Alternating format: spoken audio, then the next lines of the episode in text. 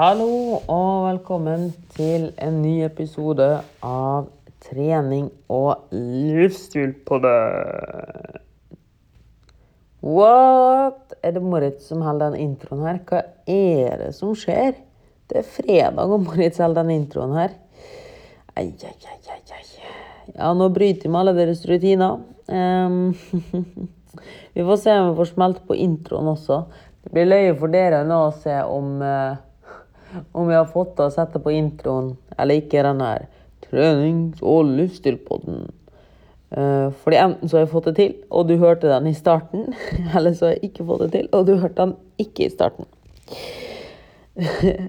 Men um, uansett, hva er grunnen til at vi snakker her alene i dag? Jo, det er at uh, kjære Lloydster Boydster, han er i Romania. Og er coach eller trener for landslaget i styrkeløft. Det er ganske, ganske kult.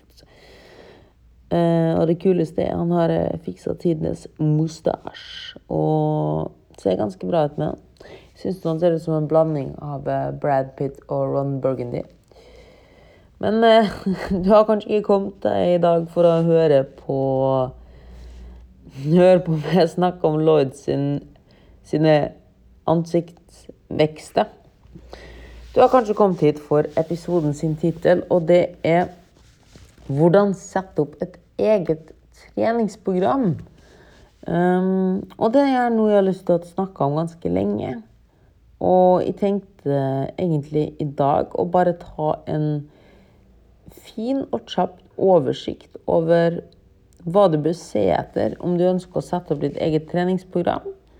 Um, og åssen du bør tenke her. Og det finnes veldig mange forskjellige typer og ting og preferanser. Og jeg vil holde det veldig simpelt her i dag.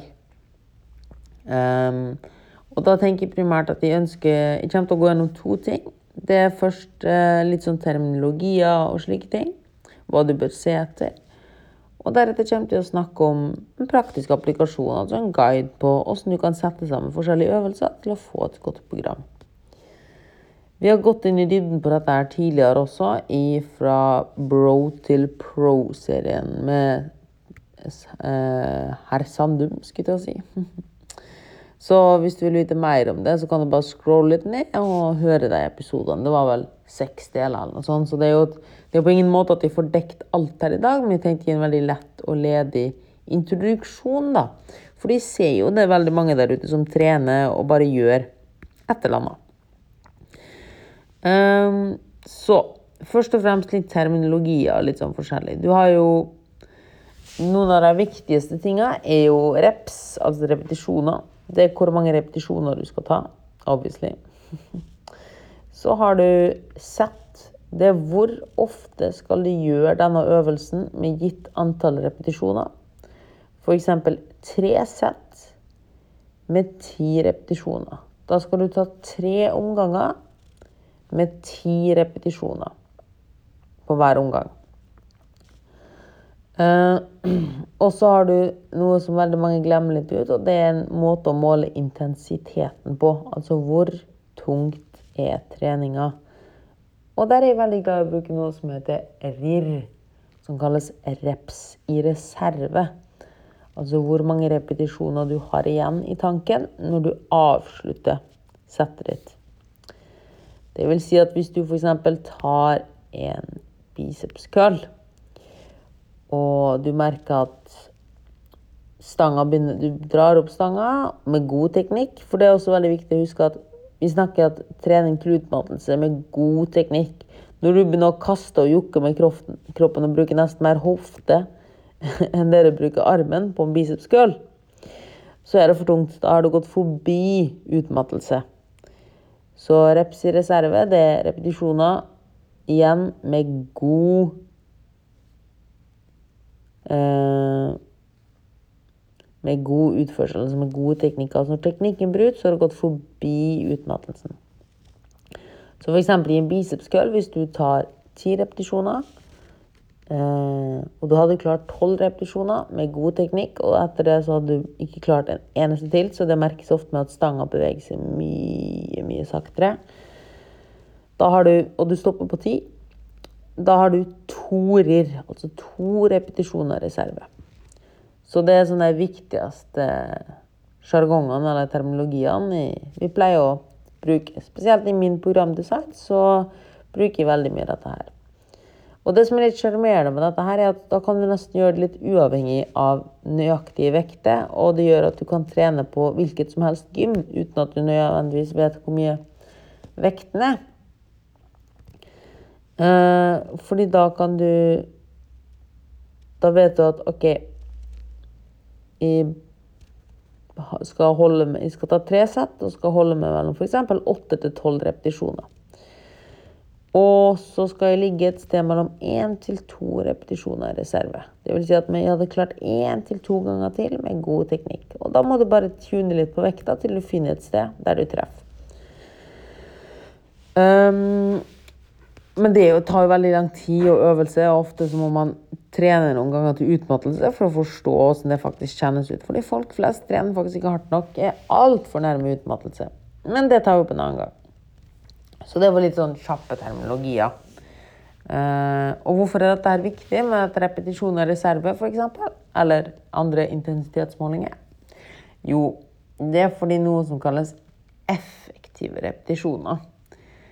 Det vil si at hvor mange av repetisjonene du gjør i et sett, gir effekt på styrke og muskelvekst. Uh, og der er det faktisk sånn at det er de siste repetisjonene du gjør, før utmattelse, altså før du ikke klarer mer, som stimulerer til muskelvekst og styrkeøkning. Det er når det begynner å bli skikkelig tungt, at det, først, at det da først virker. Fordi vi må sende et signal til muskulaturen at dette her er ganske tungt. Neste gang jeg gjør dette, her, så bør det være litt lettere. Eller ønsker at det skal være litt lettere. Hva er løsninga på det? Jo, da må man bygge litt mer muskler eller bli litt sterkere for at dette, samme belastninga skal være lettere neste gang. Og da må vi øke vekten igjen. For hvis vi holder samme vekten da, eller øker repetisjonene For hvis vi holder alt likt, så har jo kroppen tilpassa seg, og den har ikke behov for å tilpasse seg videre. Dermed vil vi ikke få like mye effekt lenger. Eh, så tilbake til dette med repetisjon av reserve. Hva er det? Jo, det er en teori som går ut på at det er de fem til seks siste repetisjonene før utmattelse, altså før muskelen din er utmatta, som gir effekt på muskelvekst og styrke. Størst effekt. Til før vil selvfølgelig gi, gi litt effekt, men ikke mye. Så det vil si at hvis du f.eks. tar et sett med ti repetisjoner på benkpressen, der du akkurat klarer ti, ti en siste, så har du hatt fem effektive repetisjoner som gir god muskelvekst. Hadde du tatt seks repetisjoner med tyngre vekter, også til utmattelse, så hadde du også hatt fem effektive repetisjoner. Så disse to settene ville faktisk gitt nesten samme effekten på muskelvekst og styrke. Med forbehold, men vi holder litt enkelt. Men dette her ville vise at det er veldig viktig at du trener nærme utmattelse. Ikke at du trener til utmattelse hver gang, men nærme utmattelse. Fordi hvis du bare tar 20 repetisjoner av et eller annet vilkårlig uten å gå nærme utmattelse, eller kanskje du tar 30 repetisjoner av et eller annet og går til utmattelse, så har du faktisk kasta bort eller sløst i ganske mye tid på å ta 25 repetisjoner som nesten ikke har effekt for å komme til de fem siste. Hvorfor ikke bare øke vekten, da? Eller hvis du bare tjotler rundt og gjør ting som ikke stimulerer muskelen til vekst, at du er langt unna utmattelse. Jente og mange minibandsøvelser, og gutter og mange sånne pumpeøvelser. Eh, for det at du kjenner melkesyre i muskelen, betyr ikke nødvendigvis at du er nærme utmattelse. At du får god effekt på muskelvekst. Hvis de står og spenner bicepsen min, så får de også melkesyre fordi den, det er mangel på blodtilførsel. Men det betyr ikke at de stimulerer muskelen til å bli sterkere. Så det er veldig viktig å skille mellom melkesyre og utmattelse. Når er det muskelen ikke klarer mer fordi den har utslitt? Og når er det muskelen ikke klarer mer fordi den er full av melkesyre? Så for eksempel, hvis du gjør en minibandsøvelse der du tar 40-50 repetisjoner, så er sannsynligheten stor at du, den brenninga du føler, det er bare melkesyre. Og det har aldri lite å gjøre med muskelvekst. Så det er kanskje det aller, aller, aller, aller viktigste, uten at jeg ønsker å gå i dybden noe mer på det, for det blir veldig, veldig fort veldig komplisert. Det er at hvis du ønsker en god effekt på treningen din, uavhengig av øvelse, mindre det er et eller annet rehab eller skadeforebyggende eller et eller annet spesielt, eller oppvarming, så bør du gå ganske nærme utmattelse, ca. 1-2 repetisjoner i reserve, altså RIR, for å få en god effekt på muskelvekst og styrke. For du vil sende et signal til muskulaturen til at 'hei, du, du må bli sterkere'. Og når du vet da at ok, det er fem til seks siste repetisjoner som teller, så er det kanskje litt dumt å kjøre 40 repetisjoner på et eller annet. For da er det mest sannsynligvis melkesyren som tar det, før det er faktisk muskelen som tar det. For hvis det hadde vært sånn at alt hadde gitt muskelvekst, så skulle vi jo fått gigantiske lår av å gå i trappa. Men det gjør vi ikke. Hvorfor? I starten så vil du nok få muskelvekst av å gå trappa, men etter hvert så er jo ikke dette utfordrende lenger. Så muskelen ser ikke behovet for å tilpasse seg. Fordi når vi begynner å gå trapper, så er det tungt. Altså det er første gangen jeg går trapper i mitt liv. Og da vil kroppen tenke hm, dette var tungt. La oss bygge litt flere muskler, slik at dette ikke er like tungt neste gang. Men siden jeg ikke øker belastninga etter hvert, eh, så vil kroppen ikke ha et behov for å tilpasse seg mer. Men hvis de alltid hadde pakka på nye fem kilo, nye fem kilo i sekken min, så hadde de alltid sendt det samme signalet til kroppen min, at dette er tungt.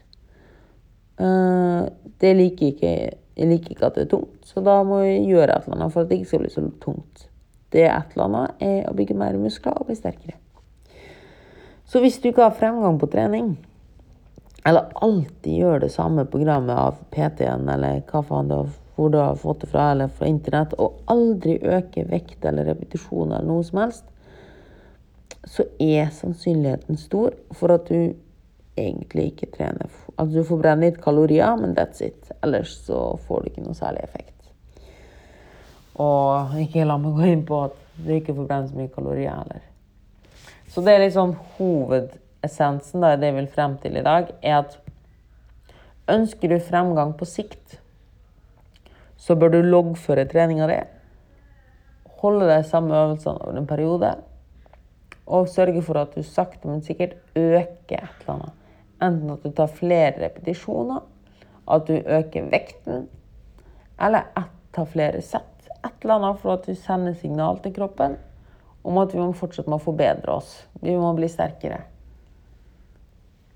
Ja, Det er så trist å se folk som går inn og ut av treningssenteret og gjør det samme dag inn og dag ut og dag inn og dag ut. For da har kroppen blitt vantere og ser ikke behov for å tilpasse seg. Vi må alltid utfordre kroppen. Det er det som er poenget. Og det bringer meg litt inn på neste tema, som ofte blir spurt. er dette om, om å forvirre muskulaturen, og hvor lenge man skal ha det samme programmet. Og bør man ikke bytte ut? Og nei, kanskje ikke iblant. Og på en viss grad så ser jeg jo dette her, fordi som vi sa nettopp, så er det vi må utfordre muskulaturen. Utfordre kroppen, så da kan det virke logisk. Ja, men da må vi prøve nye ting hver gang. For å utfordre kroppen. Og her er det viktig å skille mellom å utfordre koordinasjon og teknikk versus det å utfordre musklene. Fordi hvis du bytter øvelse hver gang, så vil kroppen aldri bli vant til den øvelsen. Som gjør at du løfter mindre enn du potensielt kunne gjort. Du begrenser altså deg sjøl fordi du ikke kan øvelsen riktig ennå. Hvis du derimot kan en øvelse veldig godt, så kan du ha fullt fokus på å løfte mest mulig, som da gjør at faktisk kroppen eh, at, muskel, at, at koordinasjon og teknikk ikke er en begrensning, men at den faktiske begrensninga blir muskelen. Fordi når du bytter øvelse hele tiden, så ja, du tilpasser deg sjøl til å bli flink til å bytte øvelser, og kroppen tilpasser seg sjøl til å liksom lære nye ting fort. Men den får aldri tid til å få adekvat muskelvekst da, og styrkefremgang. Fordi musklene i seg sjøl er jo ofte ikke sjølve begrensninga, men det å bare få gjennomført øvelsen på en god måte. Så Derfor er det også veldig lurt å ikke hoppe for mye i øvelsene, men holde et program over en viss periode. Jeg pleier å si alt fra 4 til 16 uker er fint, og hvis det fortsatt funker og du får fremgang, så er det ingenting imot å holde på enda lenger. Men å ha samme programmet alt, alt, alt, alt for lenge kan bli litt ensidig og øke risikoen for skader, for det er veldig monoton belastning. Fordi variasjon er viktig, men alt med måte. Så det er viktig at du holder det samme, det samme programmet over en viss periode, slik at du først lærer kroppen hvordan øvelsen fungerer. Og når kroppen kan øvelsen på en god måte, så kan du mer og mer fokusere på musklene, og at det er musklene som er begrensninga. Og det er altså grunnen til at mange sånn tullete balanseøvelser og slike ting er litt rare. Fordi her er det ikke musklene som er begrensninga for at du ikke klarer mer, men faktisk balansen, da. Så hvis du vil trene balanse, så er det helt greit, det, men ikke for muskelvekst. Eller bli sterkere. Det var det om det. Og nå sitter du sikkert og venter. Ja, men jeg driter i alt dette her. Jeg vil bare sette opp et treningsprogram og få trent på en god måte. Greit nok. Fair enough. Men da har jeg en litt sånn slem ting jeg må få sagt. Og det er én Enten så setter du skikkelig inn i materien på treningsprogram og forstår det hele. Eh, for det å bare hoppe fra program til program uten å ha forståelse for det, hjelper ingenting. Eller to, så betaler du noen for å gjøre det for det. F.eks. en PT. PT-service. Nei da. Online coaching. Online coaching på PT-service. Try it. Eller kom på PT-service og trene. Nei da, jeg bare tulla. um, det jeg vil frem til, er at vil du ha fremgang på treninga, må du forstå hva du gjør, og hvorfor du gjør det. Det hjelper ikke bare å hoppe rundt på Instagram og lete etter noen fancy øvelser. eller noe sånt, fordi du får mosjon, du får trim, du får brent litt kalorier. Men vil du ha fremgang, så er det virkelig ikke det du bør satse på. Da har du et strukturert program som må til.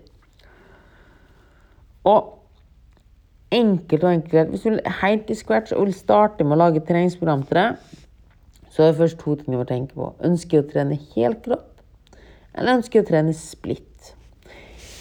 Trener vi hel kropp, så er det litt som vi sier hele kroppen i en treningsøkt. Trener vi splitt, så deler vi opp kroppen i ulike muskelgrupper.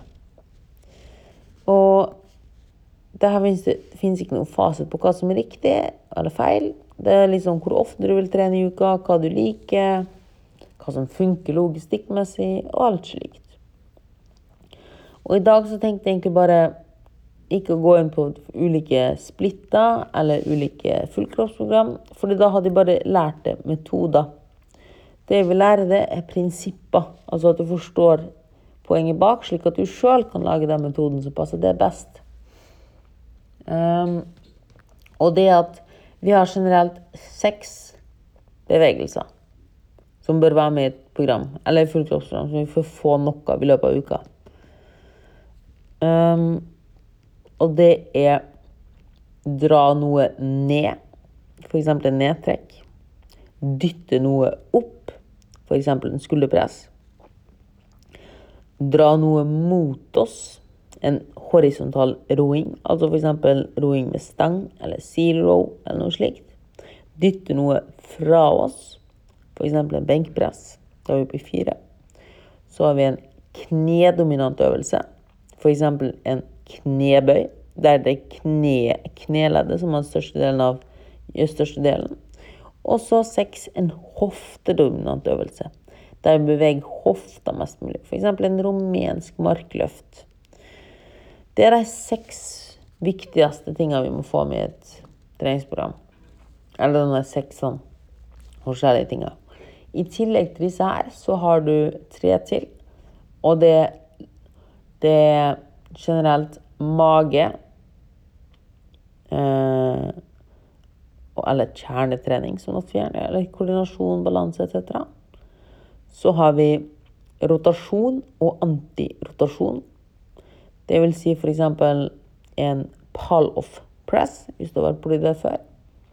Eh, altså øvelser der vi står imot at kroppen roterer, eller roterer kroppen over diverse plan med vilje. F.eks. en ball throw eller woodchopper i kabel og slike ting. Og sist, men ikke minst nummer ni loaded carries. Det vil si gå eller bevege oss med en tung vekt. F.eks. farmers walk eller bear hugs Det er veldig kjente øvelser. Det er de ni hovedtingene som bør med. Og de seks første er det aller viktigste. Um, når du ser på disse, så kan du disse kan jo også nerde ut og si ja, det er den, muskelgruppa sånn og sånn. Bla, bla. Men det er vel litt komplisert. Og så bør du sikte på at som nybegynner så bør du passe på at du får fem til ti ukentlige sett på alle disse bevegelsene.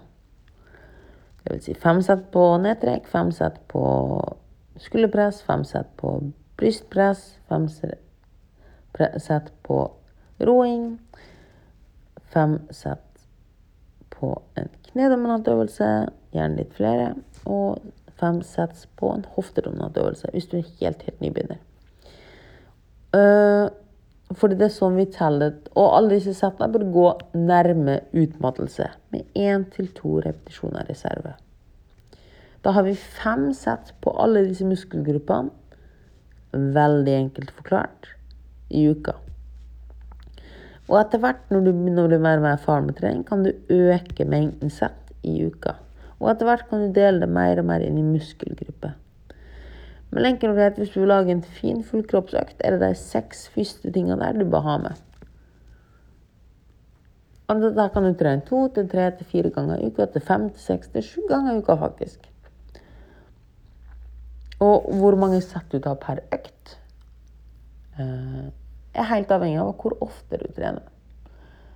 Men alltid se at hvor ofte gjør jeg en tilsvarende bevegelse i løpet av uka, hvor mange sett har jeg totalt. Folk flest vil nok ligge et sted mellom for en effektiv dose i løpet av uka, altså få nok stimuli for muskulaturen til å vokse, ligger nok mellom 10-20 sett på hvert bevegelsesmønster. Hvis du f.eks. tar brystet, så kan det være fem sett Nei, la oss si fire sett med benkpress på mandag. På onsdag så har vi fire sett med pushups. Altså nå er vi på horisontalt press, altså dytter noe fra oss. Og så kan det være at vi på fredag tar fire sett med kabelflies, altså klapper kablene mot hverandre. Da er vi oppe i tolv sett på brystet vårt, som er greit. Og her er det igjen viktig, alle disse settene bør kjøles nær utmattelse.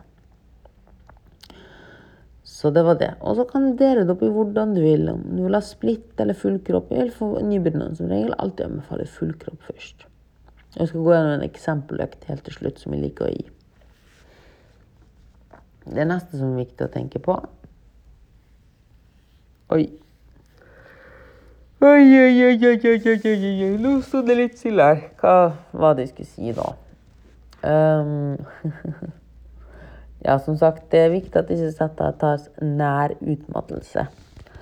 Og hvis du merker at ting begynner å bli lett, så bør du øke et eller annet. Og for guds skyld, logg før det du gjør. Det er så viktig på, med penn og papir eller et eller annet. Sånn at du alltid, eller i en app eller Google Sheets eller et eller annet. Gjør du ikke det, så vil du ikke klare å pushe deg sjøl, for du skal alltid jobbe med å gjøre litt mer. Ett sett mer. Nei, én repetisjon mer. Bitte litt mer vekt. Et eller annet skal alltid gå opp i løpet av uka. Så det må ikke skje på hver økt, det må ikke skje på hvert sett. Det kan være så mye som at du tar én repetisjon med benkpress på mandag. Da har du gjort mer. Som sender et signal til muskulaturen. Flott, du har gjort mer. Ok, da må jeg tilpasse meg det at du gjør mer. Muskelvekst, som igjen leder til muskelvekst og styrkeøkning. Um, oi Skal vi se. Ja. Og noe jeg er veldig glad i å bruke. For det er også viktig at vi har nok pause imellom her. Mellom musklene, sånn at musklene kan hentes inn igjen. Litt det vi snakka om i stad. Uh, hvis du bare tar 30 repetisjoner på benkpressen én gang, til utmattelse, så får du fem effektive repetisjoner. Hvis du tar, går opp i vekten og heller tar ti ganger ti ganger ti til utmattelse, så får du 15 effektive repetisjoner. Selv om du gjør like mange reps med det ene, bruker du tyngre vekter. Men du må hvile imellom for å klare det igjen. Og litt videre inn på hvorfor du bør ha lang nok pause. fordi hvis du bare gjør har korte, kjempekorte pause, så må du gå ned i vekten du bruker. Pluss at du vil ha mer og mer melkesyre som står i veien, som gjør at du ikke klarer å gjennomføre, istedenfor faktisk muskulaturen. Så igjen det vi snakka om litt med begrensende faktorer i stad, så vil det være at du har melkesyre som gjør at du ikke klarer å løfte mer, ikke det at du faktisk at muskelen faktisk er utslitt hvis det gir mening. Og, men det er jo litt teit å bare sitte og vente på å ta et nytt sett, og det skjønner jeg. Så det vi kan gjøre istedenfor da, fordi vi er teknisk, er å bruke noe som heter supersett. Og det er det siste jeg skal gå inn på i dag, for det blir litt tungvint. Det er rett og slett at du trener flere øvelser etter hverandre. Ulike muskelgrupper. Og her er det viktig at du trener forskjellige ting sånn at du ikke treffer deg samme muskelgruppen. F.eks. at du tar en knebøy, og så tar du en skulderpress i pausen til knebøyen. Da gjør du to helt forskjellige ting. Eller at du tar en benkpress, og så tar du en horisontal roing. Etc. Og slik kan du fortsette hele veien. Du kan faktisk lage ut en helt god, gammel sirkeløkt. Og det er litt det jeg ville frem til nå helt til slutt, i eksempeløkta, der jeg gir en veldig basic fullkroppsøkt. Og det er, som vi snakka om, at vi tar og bruker alle de seks bevegelsesmønstrene våre pluss de tre siste. Så vi varmer opp med én rotasjonsøvelse. Det kan være en bear crawl rotation. Det kan være litt skøyteløper. Det kan være litt et eller annet der du roterer kroppen rundt og må stabilisere litt. Da finnes det masse masse rart. Det her kunne få grunnvarme inn og få jobba litt med rotasjon og antirotasjon. Pall-off press hvis du er på senteret. Woodchoppers. Bare kaste en medisinball mot en vegg. Slike ting. Det er masse å ta i. Det er for å få varme i kroppen. Så når vi går varm, rister litt, og så skal vi inn i et stort giant set, eller supersett. Det vil si at vi har mange øvelser etter hverandre. Der er har øvelse nummer én, som er en knedominant øvelse. Der kan vi ta en Hvis du er hjemmetrening eller på senteret, så ville jeg da tatt enten en knebøy på senteret eller en beinpress. Og hvis du er hjemme, så har du tatt utfall, en bulgarsk utfall, f.eks. Det er øvelse nummer én. Deretter går du over til øvelse nummer to, som er en pushup eller benkpress. Deretter puster du litt og går over til øvelse nummer tre, som er en um, roøvelse. Gjerne smalroing, eller roing i slynge, eller roing på benk, eller et eller annet. Noe der du trekker en vekt mot brystet ditt.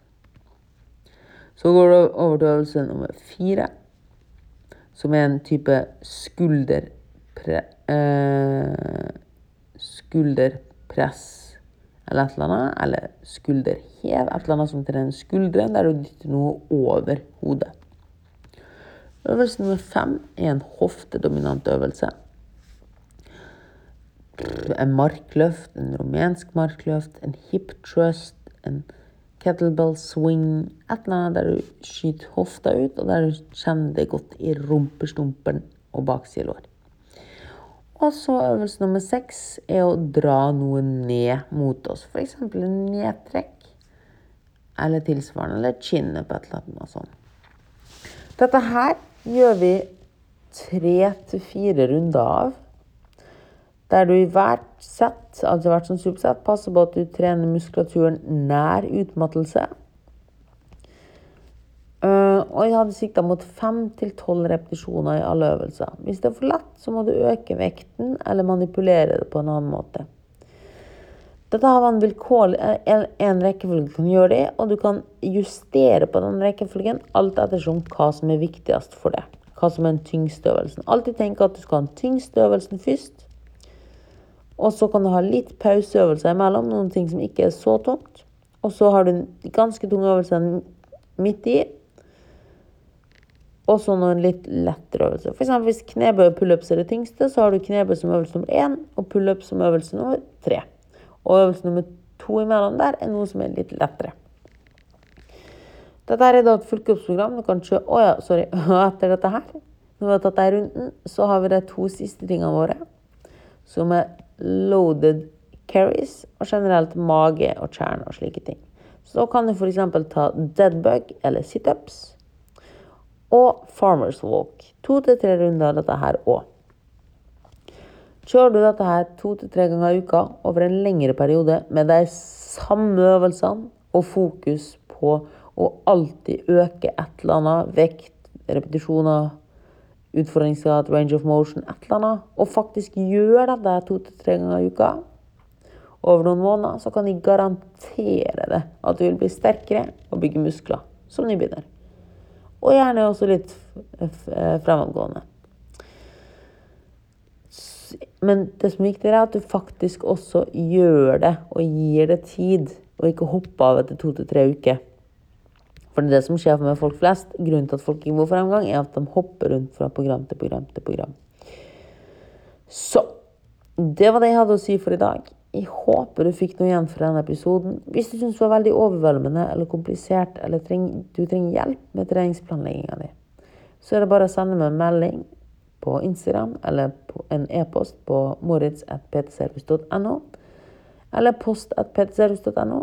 Eller hør episodene som jeg har spilt inn med Sandum om fra bro til pro. For å få enda mer innsyn i det. Og med det så håper jeg at du koser deg med episoden. Og hvis du likte den, så setter vi veldig stor pris på om du deler den på sosiale medier, sender den til en venn eller lignende, og tagg oss. Og gi oss en review på iTunes, er du snill. Og abdomer, Og alt dette her. Takk skal du ha. Det var det jeg hadde å si for i dag. Jeg kommer tilbake med en liten episode på søndag. Og fra og med neste uke så er Lloyd på plass igjen. Tjullu!